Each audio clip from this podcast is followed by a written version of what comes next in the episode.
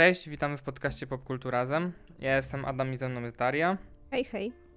I dzisiaj porozmawiamy sobie, co się u nas działo przez ostatni czas. Od ostatniego w sumie odcinka porozmawiajmy. I trochę pogadamy o tym, co się dzieje w popkulturze aktualnie. I zaczniemy od najgorszej rzeczy.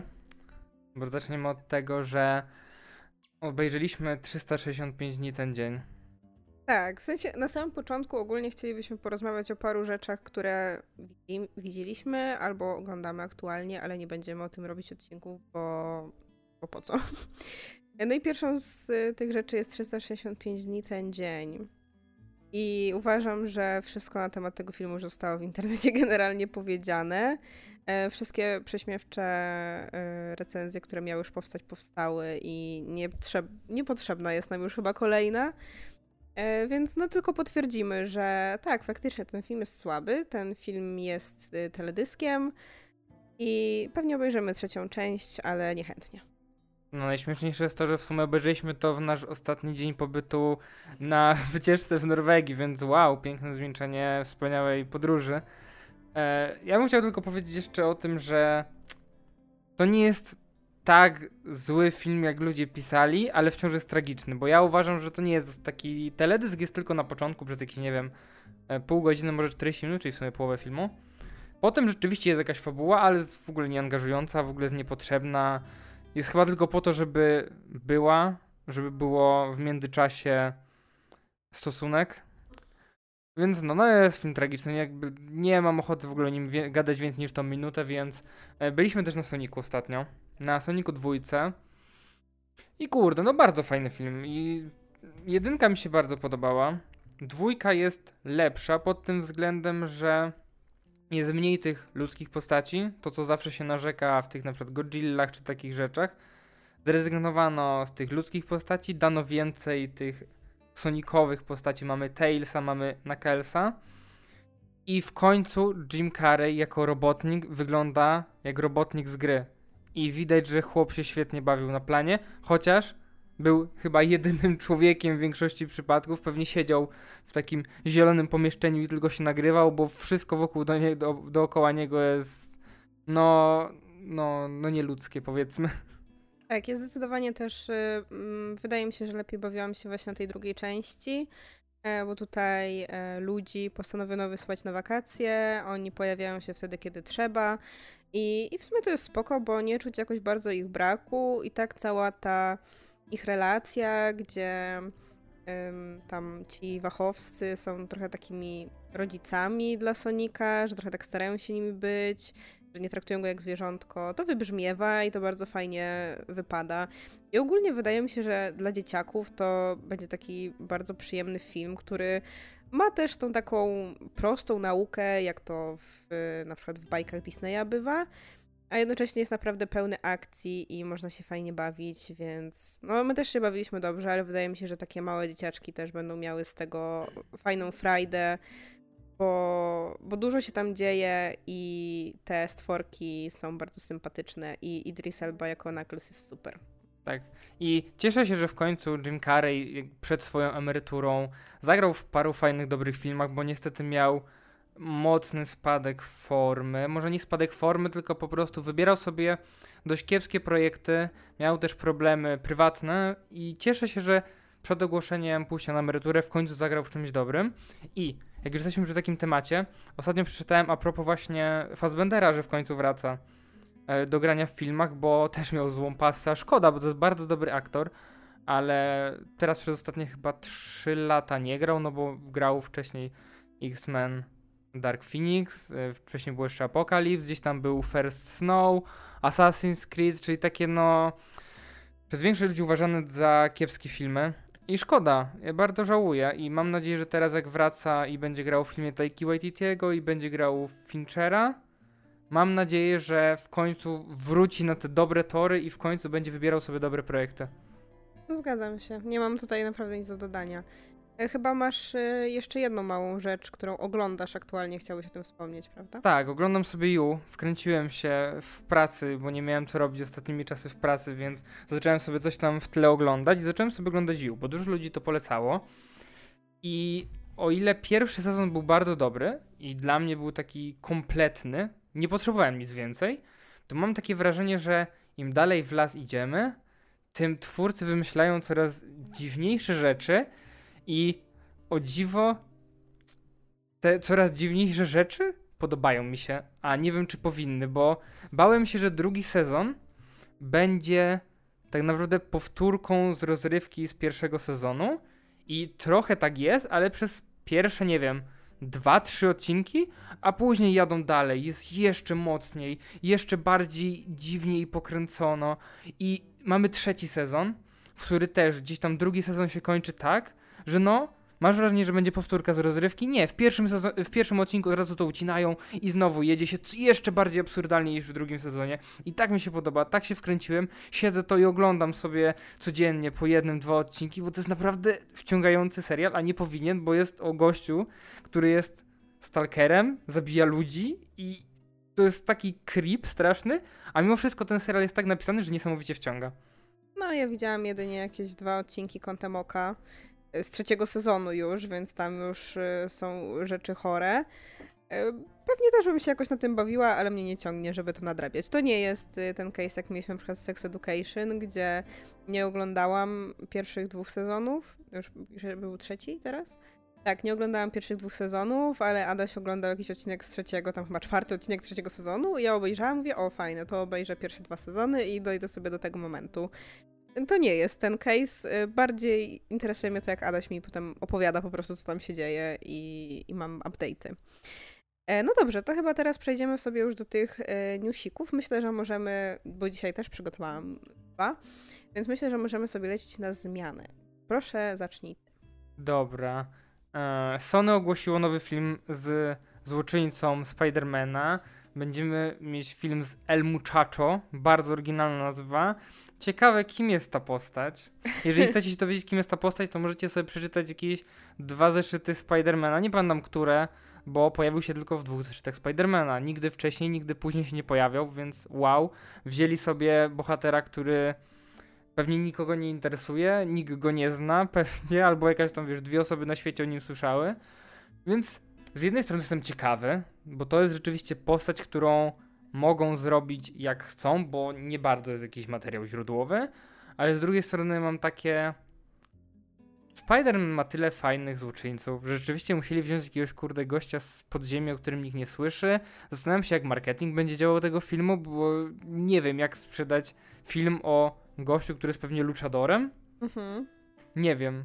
Wydaje mi się, że podobnie jak y, Morbiusa, czyli w zupełnym oderwaniu, robiąc y, z tego, no tak jak w przypadku Morbiusa zrobiono z tego film o wampirze, y, to tutaj pewnie zrobią film jakiś taki z walkami, deseń, będą próbowali wstrzelać właśnie w ten klimat, bo ten meksykański czy coś takiego. Wydaje mi się, że tym będą to chcieli próbować sprzedać. A jedyne nawiązanie, jakie tam będzie do Spidermana, to to, że wrzucą w trailerze od studia, które dało nam Spidermana. Nie chodzi mi o to, że ma być nawiązanie do Spidermana, chodzi mi o tak, to, że... ale w sensie, że jakby próba sprzedaży Spidermanem, że to będzie jedyna rzecz. No tak, bo chodzi mi bardziej o to, że Venom jest znaną postacią, Morbius jest dość znaną postacią, a to jest postać, której nikt nie słyszał wcześniej. Nie wiem, czy Morbius jest dość znaną postacią. Wydaje mi się, że jedyne właśnie znane postaci, które pokazano to Venom, który jest bardzo znany, no i Craven, który wyjdzie za jakiś tam czas i sobie powstaje, który dodatkowo ma też znanego aktora mm, w głównej roli. Wydaje mi się też właśnie tutaj dziwnym podejściem to, że oni do roli tego El Muchacho, on się tak nazywał, tak? E, wybrali w ogóle jakiegoś rapera, który nie grał w niczym, albo że grał w jakiejś jednej rzeczy, która nie wyszła, z tego co słyszałam. Więc to jest w ogóle jakieś dziwne podejście. I jeszcze to nie wiem, jakby może gdzieś w Stanach on jest znany, ale ja pierwszy raz słyszałam o tym człowieku. Więc, więc to jest w ogóle bardzo dziwna rzecz, nie? No bo na przykład jeszcze ta Madame Web ma znane nazwiska Madakota Johnson e, w, w obsadzie, więc tutaj znowu w Cravenie masz Arona Taylora Johnsona, czyli to jest znowu Johnson. I, e, I to na pewno same te nazwiska to sprzedają, tak samo jak Jared Leto może sprzedać Morbiusa, bo, e, bo jest znanym aktorem. Ale to jest strasznie dziwna rzecz. W sensie, jasne, były już przypadki wyciągania postaci właściwie w ogóle nieznanych i robienia z tego jakichś ciekawych rzeczy, typu Peacemaker, ale nie sądzę, żeby to było to, bo Peacemaker ma przede wszystkim ten atut, że po pierwsze, nie zaczynano od y, projektu solowego, tylko był w grupie i potem dopiero poszedł spin-off. Po drugie ma Jamesa Gana, który to robi, a w Sony jak na razie nie zrobiono niczego. Znaczy, no dobra, Venom 2 był spoko, ale nadal jako kiczowata produkcja. Ale nie powstało jeszcze nic takiego dobrego, dobrego. I tutaj też nie wydaje mi się, żeby zatrudniono tego kogoś, kto faktycznie jest jakiś charakterystyczny chociaż, żeby zrobić z tego naprawdę jakąś intrygującą rzecz, więc to jest dla mnie bardzo dziwny projekt i nie wiem w ogóle, co, co z tego wyjdzie i obstawiam klapę. Ja nie, od, nie obstawiam klapy od razu, ale właśnie tak jak mówisz, nie? Mamy Sony, które łapie się czeg czegokolwiek ze Spidermana, żeby coś wypuścić, bo nie mogą użyć Spidermana.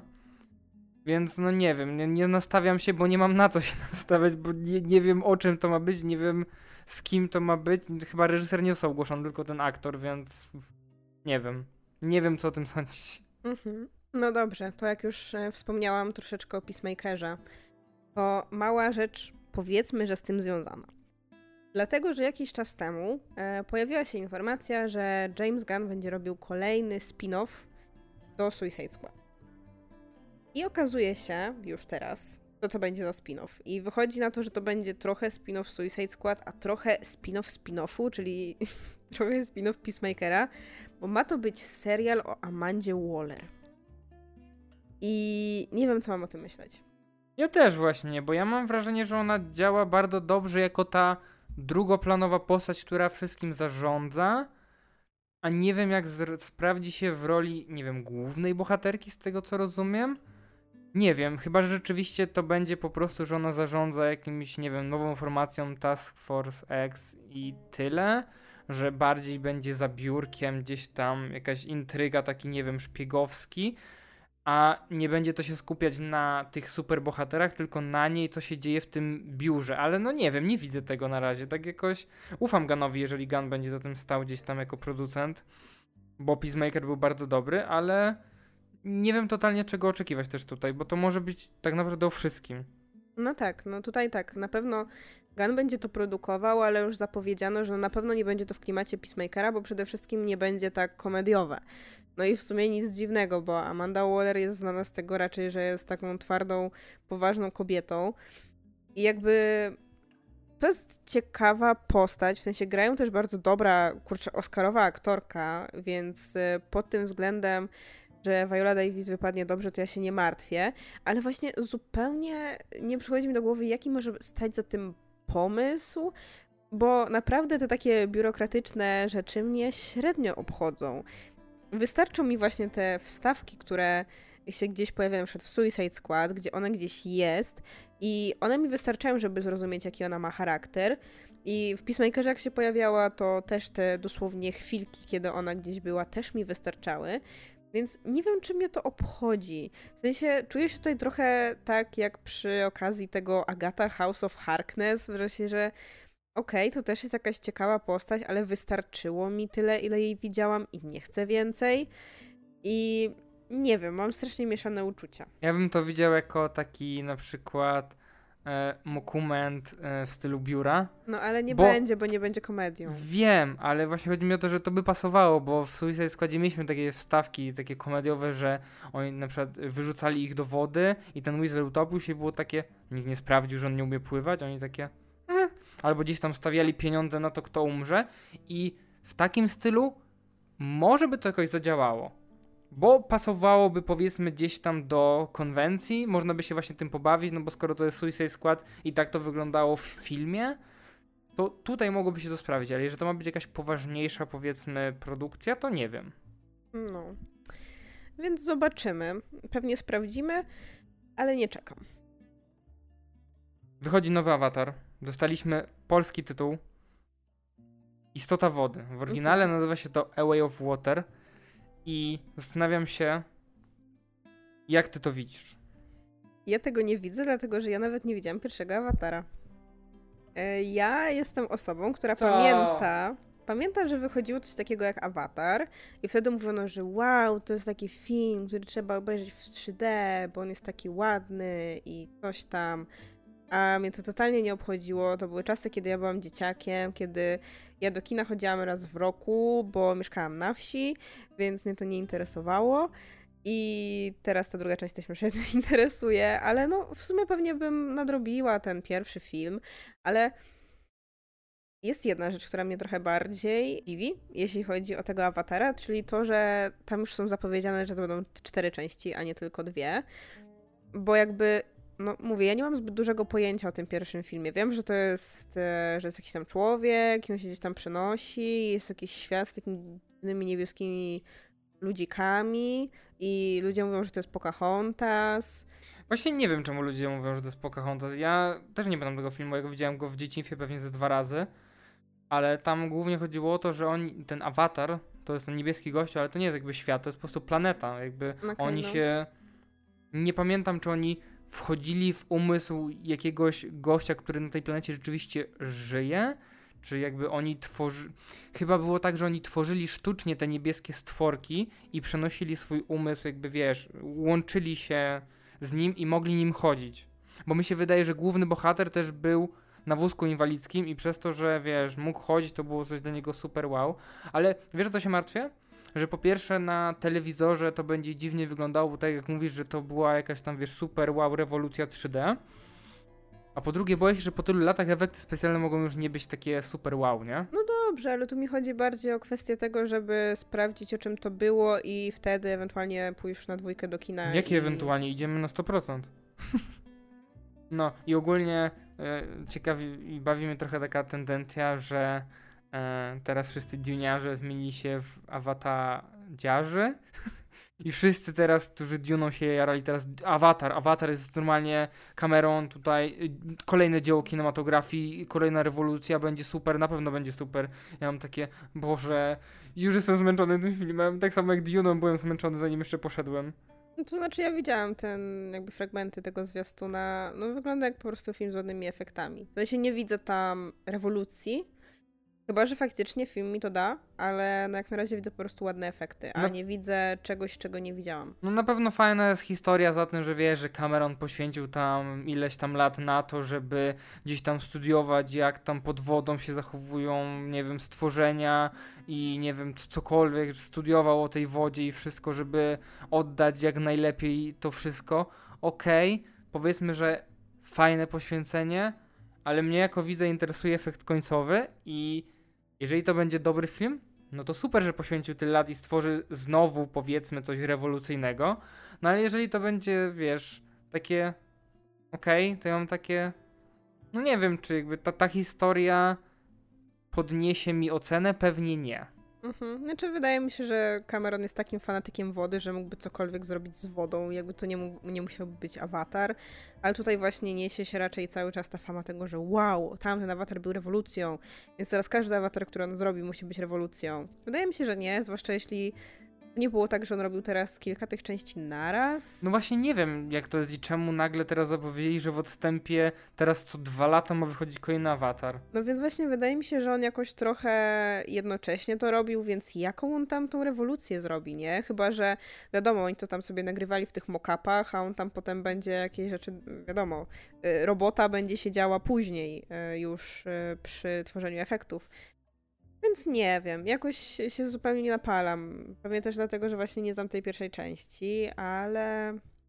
Ale no zobaczymy w grudniu. Ja też nie znam. Znaczy ja znam, ale też się nie napalam, bo mam takie, to było tyle lat temu i zakładam też, że to nie może być taki bezpośredni sequel. Może, że nie może, ale nie powinien, bo zakładam, że dużo ludzi może nie znać pierwszej części, więc to będzie pewnie jakiś tam soft reboot. Nie wiem. Nie wiem. Zobaczymy w grudniu. No dobrze. E, to taka druga rzecz ode mnie jest e, związana troszeczkę z Disney.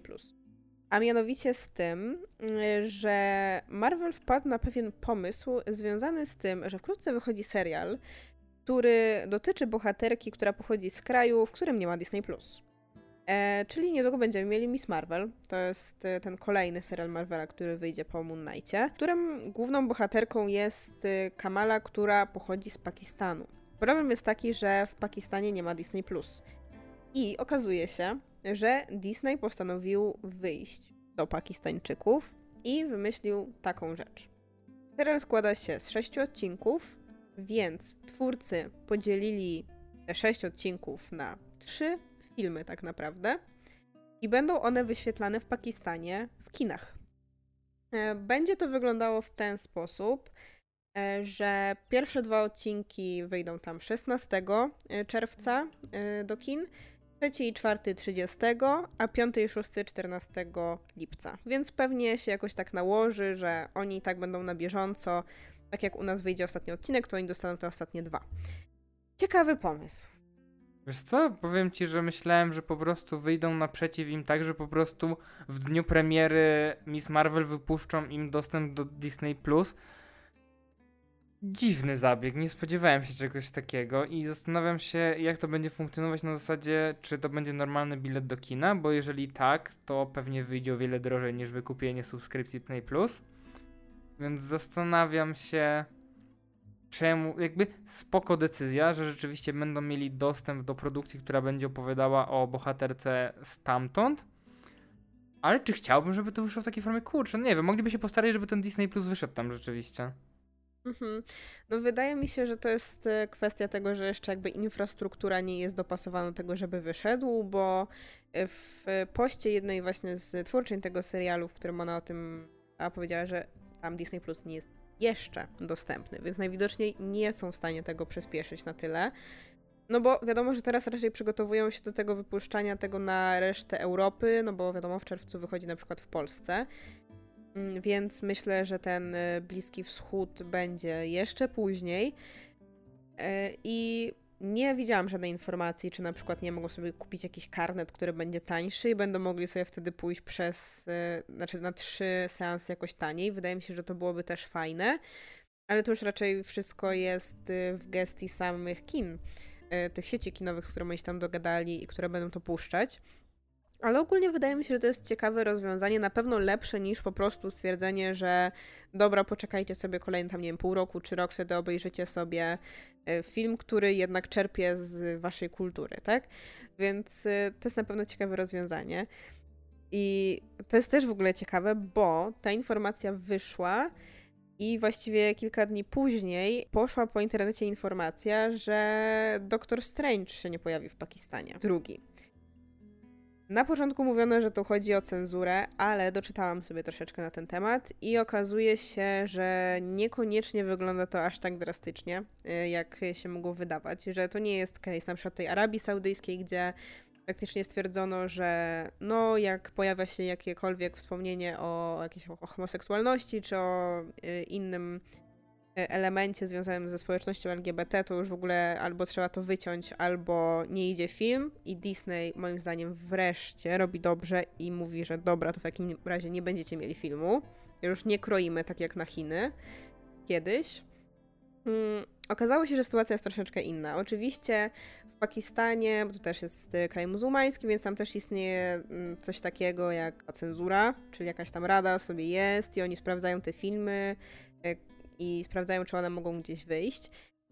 E, ale okazało się, że tu niekoniecznie chodzi o to, że oni chcą ten film zbanować. Mm, chodzi o to, że ten film, którego premiera była, miała być wczoraj, czyli w piątek, bo nagrywamy w sobotę, najprawdopodobniej będzie po prostu przesunięta. E, I to nie wynika z faktu, że oni chcą go pokroić e, czy coś takiego, tylko ostatnio było święto, było zakończenie ramadanu i w związku z tym e, wyszło kilka filmów takich miejscowych, e, pakistańskich i oni po prostu chcą, żeby te filmy miejscowe miały po prostu więcej widzów.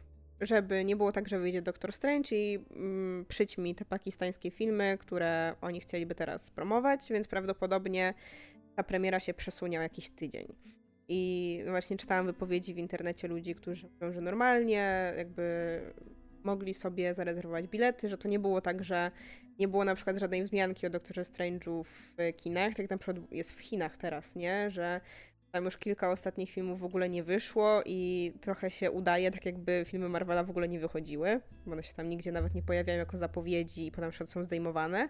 Tutaj normalnie były, można było sobie w przedsprzedaży zamówić bilety, tylko prawdopodobnie po prostu ten film wyjdzie tydzień później. Bo no gdyby faktycznie stwierdzono, że nie, Multiverse of Madness nie może iść, i, bo LGBT walić was, a potem miesiąc później Disney idzie i się kłania i mówi patrzcie, patrzcie, tutaj macie specjalnie, puszczamy wam serial w kinie. To byłoby dla mnie troszeczkę bardziej yikes, bo to by mi się trochę kojarzyło z, tymi, z tym płaszczeniem się przed Chinami, którego byliśmy świadkami przez y, ostatnie lata i które dla mnie też było zawsze takie trochę hmm, niefajne. A w ostatnim czasie, no nawet pomimo tego, że Disney nadal nie jest kryształowy i tam wychodzą akcje związane z tym, ostatnio y, przeszedł, przeszły jakieś y, ustawy w niektórych stanach, które y, uderzały w społeczność LGBT. I okazało się, że Disney ani że się temu jakby nie sprzeciwiał, a jeszcze podobno tam jakieś rzeczy finansował, więc wyszła jakaś totalna drama. Mm, więc to nadal nie jest y, super korpo, to nadal jest korpo. Ale w ostatnich latach przynajmniej właśnie przestali się płaszczyć przed krajami, które, y, których władze są otwarcie nietolerancyjne niektórym przeszkadza wszystko, czyli na przykład właśnie Chinom, stwierdzi po prostu dobra, nie chcecie w Chinach naszych filmów, to nie będziecie mieli. Kilka już nie wyszło, nie ma z tym problemu, nikt nie płacze. Te filmy nadal dużo zarabiają. I tutaj w przypadku e, kilku krajów e, tam arabskich, które na przykład e, chciałyby te filmy cenzurować, oni też mówią, że nie, po prostu te filmy nie wyjdą. Moim zdaniem to jest dobre posunięcie. Zastanawiam się właśnie, z czego to wynika z tymi Chinami, od czego się zaczęło, bo rzeczywiście jest tak, że parę filmów Disneya już tam nie wyszło, Marvelowych. I zastanawiam się, kto zaczął, czy po prostu, wiesz, Chiny w pewnym momencie nie chciały wypuszczać, bo mi się wydaje, że to się zaczęło jakoś w... Black Widow? E, nawet mi się wydaje, chyba tak, no bo chodzi, chodzi mi o to, że to się zaczęło po pandemii, że mi się wydaje, że Chiny po prostu nie chciały tych Disneyowych filmów, bo chcieli puszczać swoje, bo mieli coś tam, wiesz, jakby zaległego i nie, po prostu nie mieli miejsca na te filmy. I później jakoś ta karuzela poszła i Disney uznał, że nie będzie tam wypuszczał filmów i nie będzie się dostosowywał do ich rynku. I zastanawiam się, o, o co tam tak naprawdę poszło, bo wątpię, żeby poszło właśnie na taką pierdołę. Musiało być coś tam e, głębszego, że nie chcą wypuszczać, bo jednak rynek chiński był dość spory i dość dochodowy, więc wątpię, żeby tak sobie odpuścili tak ze swojego widzimisię. Mi się wydaje, że coś tam mocniejszego muszło, musiało być. Wątpię, że chcieliby się przypodobać ludziom na całym świecie, bo do tej pory nie chcieli i nie mieli z tym problemu i cenzurowali te filmy na potęgę. I zastanawiam się właśnie, czy wynika to z tego, że wiesz, Chiny nie chciały i teraz nie cenzurują, więc żeby, wiesz, grać tych dobrych, to w innych krajach nie chcą cenzurować. Zastanawiam się właśnie, z czego to wszystko wynika. Ja właśnie też nie pamiętam, kiedy to się już jakby skończyło z tym cenzurowaniem. E, bo nie jestem też pewna, jak to było właśnie z tymi Chinami, bo tam było chyba tak, że przy Black Widow właśnie było jakieś przesuwanie, co chwila przesuwanie, że jakby oni to zapowiadali w Chinach, że ten film wyjdzie, ale ciągle go przesuwali, przesuwali, przesuwali, ostatecznie nie wyszedł. Potem było Eternals i tam była drama z Chloe Zhao, e, bo była wyciągnięta oczywiście jakaś wypowiedź, gdzie ona krytykowała chiński rząd i, I tutaj już właśnie Chiny się oburzały, że w takim wypadku nie chcą jej, że um, sieci tam w internecie chińskim usuwano jakieś, wiesz, w ogóle wypowiedzi na temat Chloe Zhao, więc y, tutaj starano się zamieść to pod dywan. Wydaje mi się, że mogło być tak, że trochę ten y, film Chloe Zhao i ta jej wcześniejsza wypowiedź trochę przylała tą y, czarę goryczy w Chinach i stwierdzili, że dobra, już chęć tego Marvela i wszystko. Zresztą był też Shang-Chi i z Shang-Chi też były dramy bo nie wiem, bo im nie pasowało, że aktor wygląda tak czy śmak i jakoś to było takie tam się dużo rzeczy działo, więc wydaje mi się, że to, to wszystko się jakoś tak na to złożyło. Aczkolwiek też ja właśnie nie pamiętam, czy y, to jakby takie luźniejsze podejście do tego w stylu, że Arabia Saudyjska nie chce naszego filmu, to znaczy nie chce jakiejś sceny w naszym filmie, więc po prostu nie będziemy im puszczać tego filmu. Czy zaczęło wcześniej, czy zaczęło się później? Nie jestem w stanie sobie tego ułożyć jakoś na timeline. No bo wcześniej nie mówiło się o tym, czy wiesz, czy gdzieś tam w krajach arabskich się cenzuruje. Głównie się mówiło o Chinach, bo to był duży rynek. I właśnie się zastanawiam, czy po prostu Disney chce wyjść z twarzą, wiesz, że oni są teraz tacy dobrzy i w Chinach nie wypuszczamy, nie cenzurujemy, więc nigdzie indziej też nie będziemy cenzurować. Znaczy, wydaje mi się, że też wcześniej oni nie mieli za dużo do cenzurowania. To po pierwsze, bo wydaje mi się, że jak wychodziło Endgame, w którym była ta scena, w której też dosłownie było jedno zdanie, to to jeszcze było cenzurowane e, w krajach arabskich. No i w Chinach chyba też. No i później, e, później zaczęło się tej reprezentacji robić trochę więcej, chociaż nadal w większości przypadków ona była taka, że mrugniesz i nie widzisz. Przepraszam, z wyjątkiem Eternals. Przepraszam bardzo, w Arabii Saudyjskiej chodzi o to, że oni chcieli wyciąć chyba 13 sekund filmu. Teraz tak. No, więc jakby to też jest coś, co podobnie jak w Endgame mogliby wyciąć po prostu, ale nie chcą. I właśnie o to mi chodzi, czy po prostu Disney teraz uznał, że skoro Chiny e, nie chcą jakby w ogóle filmu, więc nie muszą tam cenzurować, bo nie wychodzi film na ich rynek, więc po prostu na inne rynki też nie będą cenzurować, bo nie ma w tym sensu, bo zakładam, że nie wiem, ta Arabia Saudyjska nie jest jakimś super dużym rynkiem dla nich i pewnie nie mają jakichś super wielkich dochodów z tego, jak z Chin na przykład, więc po prostu olali ten rynek, bo po, po co się męczyć z nimi? Może tak być. I, I przy okazji wychodzą na tych lepszych, nie? Chociaż no nie widzieliśmy jeszcze Doktora Strange'a, zobaczymy dzisiaj, ale no już słyszeliśmy, że ta super reprezentacja i to wielkie po prostu płacz o to, że będzie Ameryka Chavez i będą LGBT, to jest gucio. No nie, jakby... To jest znów jakiś pstryczek, zamkniesz oczy, nie zauważysz. Nie, to, to nie jest Eternals, gdzie faktycznie ta reprezentacja była i było to przedstawione normalnie i był to zwykły wątek.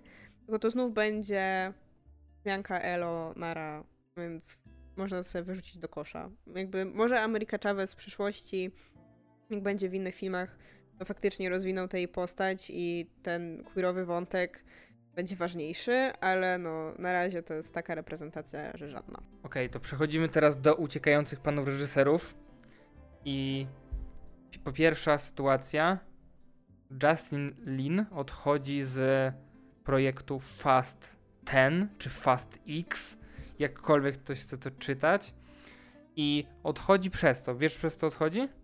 Z Diesla. Tak, ale czy wiesz o co dokładnie tam poszło? Bo to nie jest tak, że po prostu chodzi o to, że Diesel ma strasznie wielkie ego i, i teraz mam takie. Chyba zaczynam rozumieć, czemu The Rock go nie lubi i nie chce z nim współpracować, ale ogólnie poszło o to, że po pierwsze, Vin Diesel przychodził na plan spóźniony, przychodził kiedy mu się żywnie podobało, nie znał swoich kwestii, w sensie nie znał scenariusza, więc przychodził nieprzygotowany, a po drugie, podobno był nie w formie i cokolwiek to znaczy. Pewnie był na kacu. Może tak Strzelam. być. No i przez to reżyser uznał, że no sorry, nie chce współpracować z nim, bo to jest męczące i znaleźli sobie innego gościa, który będzie to reżyserował. Ogólnie tam była duża drama z tym, że każdy dzień bez reżysera w tym filmie kosztował chyba e, studio 600 milionów czy 800 milionów za każdy dzień bez reżysera, więc musieli kogoś jak najszybciej znaleźć. Wydaje mi się, że znaleźli go po 4-5 dniach, więc tak stracili kupę kasy. I znaleźli sobie Lu Luisa Leterriera. On odpowiadał wcześniej za Transportera, za Incredible Hulka, za Iluzję. Więc no widać, że to jest taki gościu, który gdzieś tam powiedzmy ogarnia kino akcji, no bo jednak Transporter to jest taki akcyjniak z Jasonem Stathamem gdzieś tam się zna. Nie wiem jak wypadnie, ciężko powiedzieć. Nie przepadałem za tymi transporterami. Są takie typowe filmy akcji z Jasonem Stathamem. To znaczy, wydaje mi się, że jeśli chodzi o te stawki, to tam ci się jakieś zero za dużo dodało, bo ostatnio widziałem jakiś news, że e, ogólnie, że jest już bardzo duży e, budżet e, Fast and Furious, ale tam się wspominało o kwestii tego, że on jest tak ogromny, Dlatego, że mają już po prostu tyle gwiazd, y, że to przez to przede wszystkim on jest ogromny. Jakby nie było tam wzmianki na ten temat. Może to było na przykład 60 milionów dziennie, to tak jest ogromną kwotą, ale to nieważne. Um, ty mówisz, że teraz zaczynasz rozumieć, y, dlaczego The Rock nie lubi wina Diesla. Ja to już zrozumiałam wcześniej.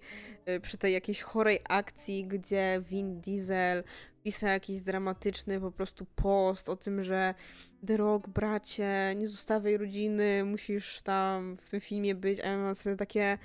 Wyobraziłam sobie, jak taki zażenowany The Rock siedzi i po prostu to czyta i miałam takie ja pierdzielę, w sensie to jest...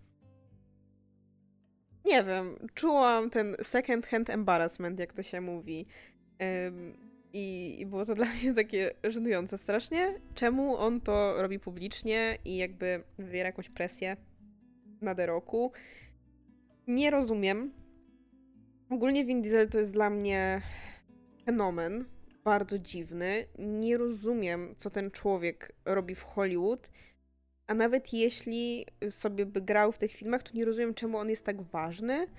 W sensie, czemu on jest taką gwiazdą, gdzie to jest człowiek, który ma po prostu charyzmę drzewa i dlatego nadaje się do grania Gruta oczywiście, ale poza tym naprawdę on ma charyzmę drzewa jest strasznie dziwny. Widziałam kiedyś jakieś w ogóle filmiki, gdzie on zachowuje się jak jakiś stulejarz w stosunku do jakiejś kobiety, która prowadzi z nim wywiad. I to było dla mnie już po prostu tak żenujące. Tak mi było tej babki szkoda.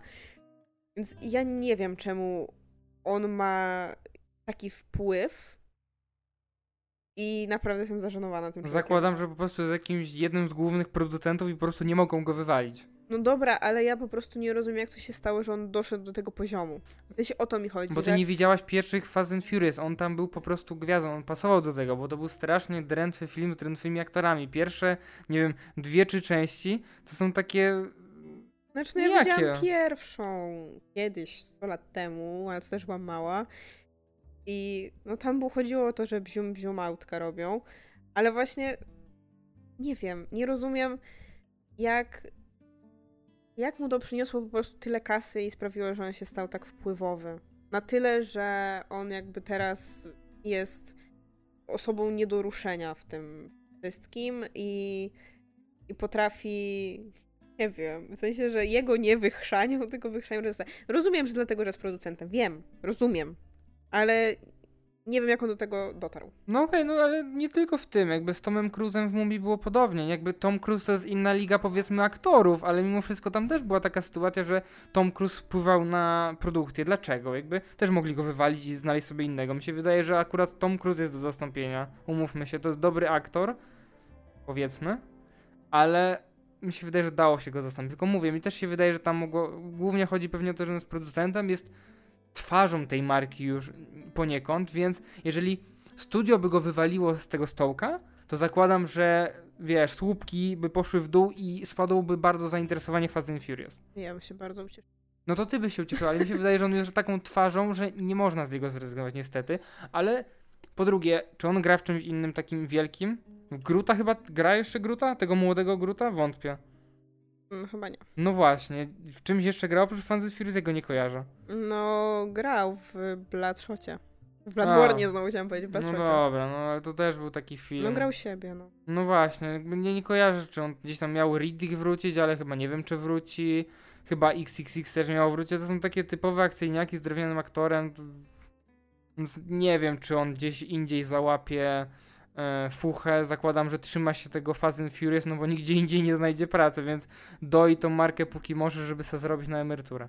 Nie wiem, dla mnie to jest po prostu smutne, że taki człowiek ma tak ogromny wpływ na to, biorąc pod uwagę, ilu charyzmatycznych aktorów ostatnio pojawiło się w tej serii. Mieliśmy The Rocka, który nadal, on też gra często siebie, ale ma charyzmę i um, ma coś w sobie. Jest Jason Statham też, on jest super właśnie do takich filmów.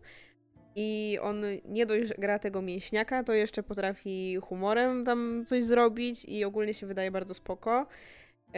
Mamy też innych ogólnie tam aktorów z drugiego planu, więc kurczę. Pojawił się w ostatniej części John Cena, który uważam, że zagrał w tej części lepiej niż Vin Diesel po 20 latach grania w tej marce. Też. No i do tego no mamy też inne tam kobiece postaci. Mamy Charlize Theron, mamy e, teraz Brie Larson będzie, więc jest tego więcej. Nawet już ta babeczka... No. Michelle Rodriguez? Tak, no ona już lepiej by się tam nadawała do bycia twarzą tej serii, nie? Ale nie jest chłopem, więc... Chociaż miał być jakiś spin-off chyba kobiecy Fast and Furious mi się wydaje. Coś było zapowiadane, ale nie wiem, czy to dojdzie do skutku. Nie, bo kobiety nie umieją jeździć autami. No ale miało być, wiesz, to może być heist movie, nie musi Nie, być. będzie o tym, że nie umiem parkować. O jest, dobra. To idziemy dalej do kolejnego reżysera, który odszedł z projektu. John Watts odszedł z Fantastycznej Czwórki i ja nawet nie wiedziałem, że on miał być reżyserem tego. Szczerze. Bo to jest ten gość, który robił Spider-Man ostatnio, tak? Tak, to jest gość, który robił pewnie Spider-Many. I zastanawiam się czemu, bo ja nie, nie czytałem za bardzo o tym, czemu on odchodzi. W sensie poczytałem, że on odchodzi i tyle. I miałem takie, wow, on miał reżyserować Fantastyczną Czwórkę. Ja nawet nie wiedziałem, że to jest na takim etapie, że ma reżysera. Ja myślałem, że oni to gdzieś tam po prostu rzucili, że będzie. I nie wybrali nikogo. Czemu nie Krasiński? Halo, on może reżyserować, dobrym jest reżyserem. I zastanawiam się, kto go zastąpi i jaki kierunek nada Fantastycznej Czwórce, bo o ile Spider-Man wychodzi ok, to widać, że ostatnia część, no. Widać, że tutaj był duży wpływ studia na to, jak ten film ma wyglądać. I zastanawiam się, jak było z poprzednimi Spider-Manami. Zakładam, że tam Sony i Marvel mocno nad nim czuwali, żeby to był w końcu dobry film o Spider-Manie. I zastanawiam się, na ile on miał tam wolność kreatywną i cokolwiek mógł robić sam. I zastanawiam się, jakby wypadł w Fantastycznej Czwórce. Znaczy tak, ja też nie wiedziałam, że Fantastyczna Czwórka miała już reżysera w ogóle. Wiedziałam po prostu, że ogłoszono i pokazali logo. I jeśli chodzi o to, no to tutaj też nie mam zbyt wielu emocji, dlatego, że po pierwsze, ja też nie jestem jakąś ogromną fanką Spider-Manów z Holandem. Uważam, że są sympatyczne, ale nie mam w stosunku do nich jakichś zachwytów. Nie, nie czułam nigdy. Po drugie, to zdecydowanie nie jest reżyser, którego styl ja bym czuła. W sensie to nie jest właśnie znów James Gunn, Taika Waititi, u których wyraźnie widać, że e, oni mają swój konkretny styl, e, lubią tworzyć rzeczy w konkretnym klimacie. Tutaj czułam po prostu, jakby to jest kolejny film kolejnego reżysera, którego ja nie zapamiętam. Więc, e, więc nie czułam za bardzo e, nic w związku z tym, że ten John Watts teraz odszedł. Wydaje mi się, że tam był podany że był podany powód. Tylko no zwykle to może być jeden z dwóch powodów, czyli pierwszy to są różnice kreatywne, a drugi to, y, że mu się coś nie spina w kalendarzu. Mi się wydaje, że tam poszło po prostu o to, że on chce odpocząć od kina superbohaterskiego. Coś takiego. Możliwe, ale to kurde mogłeś pomyśleć chłopie wcześniej. Mm. tak w sumie, nie? Ale to brzmi trochę na zasadzie chcę odpocząć od kina superbohaterskiego, mam takie okej, okay, czyli rzeczywiście studio mogło mieć jakiś duży wpływ na niego i po prostu nie chcę już się w tym babrać. Może, może jakby nie wiem, trudno jest mi też mówić o kierunku Fantastycznej Czwórki, skoro jeszcze nie widzieliśmy Fantastycznej Czwórki w, tym uniwersum, więc tutaj wszystko jest tak naprawdę otwarte. Może się tutaj e, zrobić co się chce, zwłaszcza, że poprzednie Fantastyczne Czwórki nie były za dobre. Ja nie widziałam tej ostatniej. Ja Tranka też nie widziałem Fantastycznej Czwórki, ale słyszałem, że jest okropna. Oglądałam tę y, dawną, dawną. Ja też oglądałem tę dawno, dawno i ostatnio odkryłem, że w tej, w tej dawnej, dawnej grał e, Chris Evans i ja nawet nie wiedziałem, że on tam grał, A, więc... to ja wiedziałam. I tamte filmy nie były okropne. Były moim zdaniem e, głupie pod pewnymi względami typu patrzcie, rozebraliśmy babę, ona jest teraz niewidzialna, bo musi się schować, bo ktoś zobaczył, że ma stanik.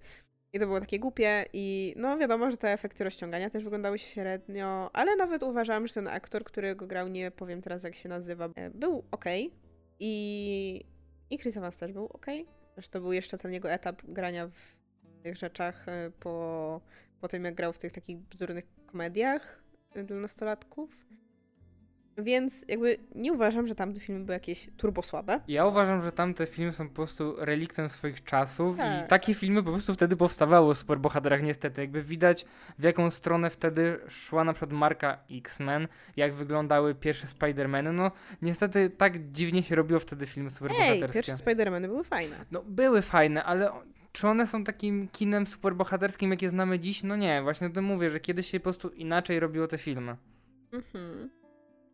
No dobrze, czy jeszcze coś chciałbyś Znaczy ja chciałem się spytać ciebie, kogoś byś widziała na stołku reżysera na przykład Fantastycznej Czwórki? E, szczerze na razie nikogo. E, wydaje mi się, że e, nie wybrałabym tutaj właśnie jakiegoś super charakterystycznego e, reżysera. Pewnie wezmę jakiegoś wyrobnika. A szkoda, bo właśnie ja myślę, że dobrze byłoby nadać jakiś fajny styl tej Fantastycznej Czwórce, bo już mieliśmy jednak jej dwie inkarnacje, które były takie se powiedzmy, powiedzmy dzisiaj są takie se, druga jest fatalna. I ja na przykład bym widział braci Russo. Myślę, że oni jakby mieli wrócić, to oni by ogarnęli taki film, bo to jest jednak dość duży projekt z ważnymi postaciami dla Marvela i wydaje mi się, że nie wezmą właśnie jakiegoś wyrobnika, tylko będą chcieli stworzyć z tego dużą markę i zastanawiam się, czy nie będą na przykład chcieli takiego e, Mistera Fantastika zrobić nowym, nie wiem, Tonym Starkiem, albo wiesz, ich dać jakiś na, na pierwszy plan, żeby to było jakieś tam, wiesz, korowy zespół teraz. Mam problem z wyborem braci Russo. Nie dlatego, że robili słabe rzeczy dla Marvela, bo robili bardzo spoko, ale dlatego, że potem robili kiepskie rzeczy. No właśnie, ale o to mi chodzi, że oni w kinie superbohaterskim odnaleźli się. Te filmy, wszystkie ich są bardzo dobre. No wiem, tylko właśnie Zastanawiam się właśnie, z czego wynika to, że te ich późniejsze filmy były takie sobie, bo co my widzieliśmy, jakieś tego tam... Diabeł wcielony? Czy to nie było ich? Nie, to nie Aha. oni. Oni robili ten z Chrisem Hemsworthem e, w, gdzieś tam w Mhm. Indiach, coś takiego, to było kiepskie. Potem co? Oni chyba jeszcze, mm, nie wiem, czy byli producentami, czy reżyserami tego dziwnego filmu z Tomem Hollandem, o którym się tak dużo mówiło, w sensie ja nie widziałam go, ale była ekranizacja książki i widziałam recenzję Sztywnego Patyka i tam była ta scena z tym odbytem i dziwne rzeczy. Nie wiem, czy oni to reżyserowali, ale generalnie podejmowali jakieś dziwne wybory i nie do końca były one dobre, dlatego trochę się obawiam tego kierunku, w którym oni poszli. Zwłaszcza, że oni teraz mają chyba jakąś w ogóle swoją firmę producencką czy coś takiego, więc nie wiem, czy też w to nie chcą bardziej iść. Nie wiem. Kurczę, w sensie zastanawiam się, czy na przykład w przypadku Fantastycznej Czwórki e, zamiast e, od razu lecieć w bombastyczne rzeczy, nie skupić się na początku na wątku rodzinnym. Przede wszystkim dlatego, że no, o nich się mówi, że to jest pierwsza rodzina Marvela. Rodzina. I to, że są rodziną jest bardzo ważne. Więc czy nie skupić się właśnie na samym początku na samej kwestii tego, że oni są rodziną, a później dopiero robić z nich ważne postaci, wiesz, w stylu na przykład musimy walczyć z Galactusem, tam Silver Surfer się pojawia czy coś, żeby nie robić tego od samego początku, nie? Tylko na początku skupić się na tym, że to jest rodzina. Czy mi się wydaje, że musisz jednak zrobić z nimi film taki bombastyczny, akcyjny. Ale nie musi być pierwszy. Nie, właśnie też tak myślę, ale zastanawiam się, ja bym nie chciał origin story. Mam Nie. dość origin story. To podobnie jak Spider-Manem. Mieliśmy już dwa origin story, wystarczy. I tak jak mówisz, wątek rodzinny był spoko. Ja bym nawet poszedł krok dalej, albo nawet dwa kroki dalej i dał im od razu dzieci. Żeby już były ustanowione dzieci w tym uniwersum i mogła być taki fajny zrobić wstęp albo połączenie z X-Menami, bo jak wiemy, ich dziecko, czy ich dwoje dzieci są mutantami. Oj, z ich dziećmi są tak dziwne rzeczy, to w ogóle jak one się urodziły, to to są tak chora historia, że nie wiem. Tam ostatecznie chyba wyszło, że tylko syn jest mutantem. Tak, chyba aktualnie według komiksów tylko syn jest mutantem, tak mi się wydaje. Chociaż z drugiej strony właśnie te ich dzieciaki, e, w sensie w komiksowo mają właśnie tak dziwną historię, że ja nie wiem, właśnie sam e, Franklin, on się nazywa, E, ten syn, on też jest tak OP, że ja nie wiem, czy to też by przeszło już na tym etapie, bo on przecież, on jest w ogóle jakimś mutantem Omega i on ma jakieś tam tak dziwne moce, Znaczy że... mi się wydaje, że on jest zdolny do tworzenia uniwersów, tak? O to tam chodziło. No właśnie, więc to jest już coś tak mocnego, że ja nie wiem, czy na o, jesteśmy na etapie widzę. multiversum i rozwalania wszechświatów, więc come on. No dobra, ale właśnie czy chcesz dodać to kolejną taką rzecz teraz? Znaczy nie musisz po prostu, wiesz, dawać mu takiej OP mocy. Mi się wydaje, że można by to jakoś dostosować. Wydaje mi się, że jakiś zgrabny reżyser mógłby to fajnie poprowadzić. Ja nie jestem reżyserem, nie jestem scenarzystą niestety. Jakiś zgrabny reżyser mi się bardzo spodobał, bo sugeruję, że po prostu ma być szczupły. Nie, ale chodzi mi o to, że mi się wydaje, że dałoby się to poprowadzić jakoś. No i mówię, że wtedy połączenie z X-Men mogło być spoko. I nawet już nie musieliby tego Antmana tam, wiesz, że jego córka okazuje się mutantką i z tym połączyć, że tu są X-Meni, tylko na przykład tutaj. Ale widzisz, no Ant-Man też taki rodzinny, tutaj też takie rodzinne. Ale tu jakby wyszło, że na przykład jego córka gdzieś tam ma mocy, też mogło być spoko. No. E, no dobra, e, to chyba będzie tyle, bo generalnie nie dzieje się ostatnio, powiedziałabym, w popkulturze za dużo. Wszyscy się skupiają tylko na tym, że jest proces Johnego Deppa i Amber Heard, a to zdecydowanie jest rzecz, o której chcę gadać, bo żenuje mnie dyskusja w internecie na ten temat. Znaczy, no ja robienie- czekam, ja czekam po prostu na wyrok. Jakby nie Tak. osądzam ich teraz, bo widać, że to była bardzo toksyczna relacja i tam się dużo rzeczy działo i no ciężko mi stanąć po jakiejkolwiek stronie, bo nie znam sytuacji z wewnątrz, więc no czekam po prostu na wyrok. Tak, dlatego właśnie mówię, że żenuje mnie fakt trwającej obecnie dyskusji na ten temat, tworzenia się jakichś obozów, kto jest team ten, kto jest team tamten, jakieś takie, nie wiem, podważanie tego, co jedna osoba mówi, czy tam czuje, czy co druga i robienie z tego jakiegoś wielkiego show. I nie wiem, no ocenianie tego na zasadzie, że ja tą osobę lubię, to ona nigdy w życiu by niczego złego nie zrobiła, a ja osobę tamtą lubię, więc ona na pewno nigdy by nie skłamała. Więc no, poczekajmy po prostu na ten wyrok. Pewnie oboje robili jakieś chore rzeczy.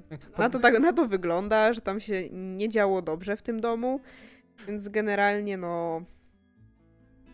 nie ma o czym gadać. Podoba mi się też, mówi, mówiłaś, a nie będziemy rozmawiać o nim, po czym zaczynam rozmawiać o nich, więc No dobra, to już Ucinam jest koniec, temat, tak? ucinam to temat. jest koniec. No. no. to tyle. Dziękuję wam za uwagę. Czekamy na wasze komentarze, opinie. Mnie wszędzie w internecie można znaleźć pod nickiem Adaś Alex. Mnie natomiast możecie znaleźć na facebookowym fanpage'u Ocieplanie wizerunku Skandynawii o skandynawskim kinie oraz na książkowym Instagramie Daria Podłoga OWS. I do usłyszenia, cześć. Pa, pa.